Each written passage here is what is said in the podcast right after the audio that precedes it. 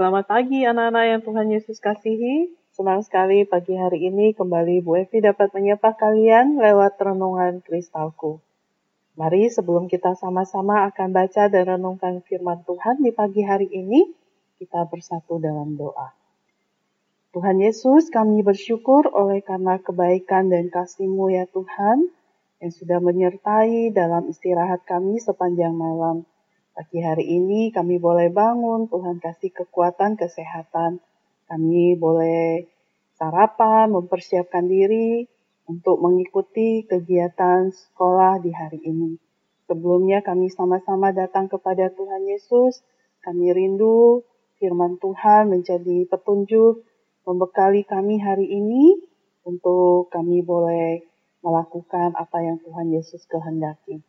Kami sudah siap untuk belajar firman-Mu, berbicaralah kepada kami. Demi nama Tuhan Yesus kami sudah berdoa. Amin. Pembacaan firman Tuhan pada hari ini dari surat Efesus pasalnya yang ke-6, ayatnya yang ke-10 hingga ayatnya yang ke-17. Demikian firman Tuhan. Akhirnya, hendaklah kamu kuat di dalam Tuhan, di dalam kekuatan kuasanya Kenakanlah seluruh perlengkapan senjata Allah, supaya kamu dapat bertahan melawan tipu muslihat iblis. Karena perjuangan kita bukanlah melawan darah dan daging, tetapi melawan pemerintah-pemerintah, melawan penguasa-penguasa, melawan penghulu-penghulu dunia yang gelap ini, melawan roh-roh jahat di udara. Sebab itu ambillah seluruh perlengkapan senjata Allah, supaya kamu dapat mengadakan perlawanan pada hari yang jahat itu, dan tetap berdiri. Sesudah kamu menyelesaikan segala sesuatu, jadi berdirilah tegap, berikat pinggangkan kebenaran, dan berbaju zirakan keadilan.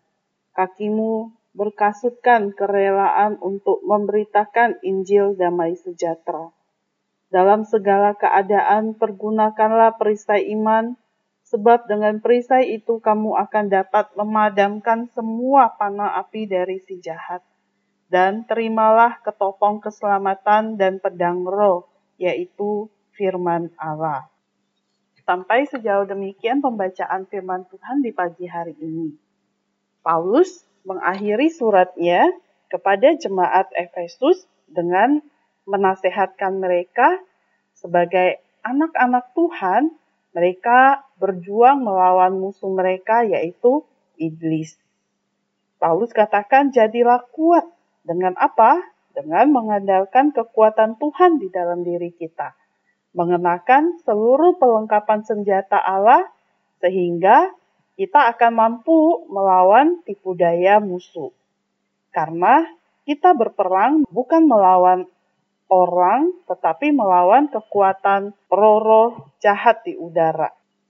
Jadi, gunakan setiap bagian dari perlengkapan senjata yang Tuhan sudah berikan kepadamu. Jangan biarkan iblis menjatuhkanmu, tetapi tetaplah berdiri teguh saat dia menggodamu. Untuk melakukan ini, kamu memerlukan sabuk kebenaran di pinggang kita dan pelindung dada, itu perisai. Kemudian melakukan untuk melakukan itu, Rasul Paulus bilang, kita harus berdiri tegap, berikat pinggangkan kebenaran, dan berbaju jirakan keadilan. Kaki berkasutkan kerelaan untuk memberitakan Injil damai sejahtera. Dan dalam segala keadaan, pergunakanlah perisai iman, sebab dengan perisai itu kita akan dapat memadamkan semua panah api dari si jahat. Dan terimalah ketopong keselamatan dan pedang roh, yaitu firman Allah. Pertanyaan buat kita adalah mengapa kita membutuhkan perlengkapan senjata Allah jika kita melayani Allah yang cinta damai? Anak-anak, Tuhan kita adalah Tuhan yang cinta damai. Dia disebut sebagai Raja Damai. Dia memiliki musuh yang ingin menghancurkan semua yang baik dan semua miliknya. Iblis yang diusir dari surga saat memberontak, membenci kebaikan. Nah, salah satu cara iblis untuk menjatuhkan anak-anak Tuhan, membalas kepada Tuhan adalah adalah dengan menggoda anak-anak Tuhan untuk berbuat dosa. Ketika kita berbuat dosa, dosa melukai kita dan itu juga menunjukkan penghinaan terhadap Allah. Tidak menghormati Allah. Tapi Allah tidak membiarkan kita berjuang melawan musuh tanpa bantuan apa pun. Dia memberikan kita baju zira yang kuat untuk menghentikan kejahatan dan panah api yang dilancarkan oleh si jahat. Kita memiliki baju zira yang melindungi kita dan memberikan kita pedang roh yaitu Alkitab firman Tuhan untuk membela diri kita. Dengan cara ini perlengkapan senjata Allah memberi kita kuasa untuk berhenti berbuat dosa dan memungkinkan damai sejahtera Allah memerintah dalam hidup kita dan dalam kerajaannya. Beginilah cara Allah memberikan damai sejahtera kepada kita. Roma 16 ayat 19 sampai 20 berbunyi demikian. Kabar tentang ketaatanmu telah terdengar oleh semua orang. Sebab itu aku bersuka cita tentang kamu. Tetapi aku ingin supaya kamu bijaksana terhadap apa yang baik dan bersih terhadap apa yang jahat. Semoga Allah sumber damai sejahtera segera akan menghancurkan iblis di bawah kakimu. Kasih karunia Yesus Tuhan kita menyertai kamu. Demikian firman Tuhan hari ini. Anak-anak jangan lupa kita harus mengenakan senjata perlengkapan yang Allah sudah berikan pada kita untuk kita bisa mengalahkan musuh kita, yaitu si jahat, iblis. Mari kita berdoa. Bapa di dalam surga, terima kasih ya Tuhan, kami mengucap syukur. Engkau Allah yang sungguh baik bagi kami. Engkau bukan hanya menyelamatkan kami, tetapi Engkau juga memperlengkapi kami supaya kami tidak jatuh di dalam dosa ketika kami bergumul menghadapi si jahat ya Tuhan yang tidak berhenti menggoda kami yang seperti singa muda berkeliling selalu cari kesempatan untuk menjatuhkan kami, untuk membuat kami jatuh dalam dosa.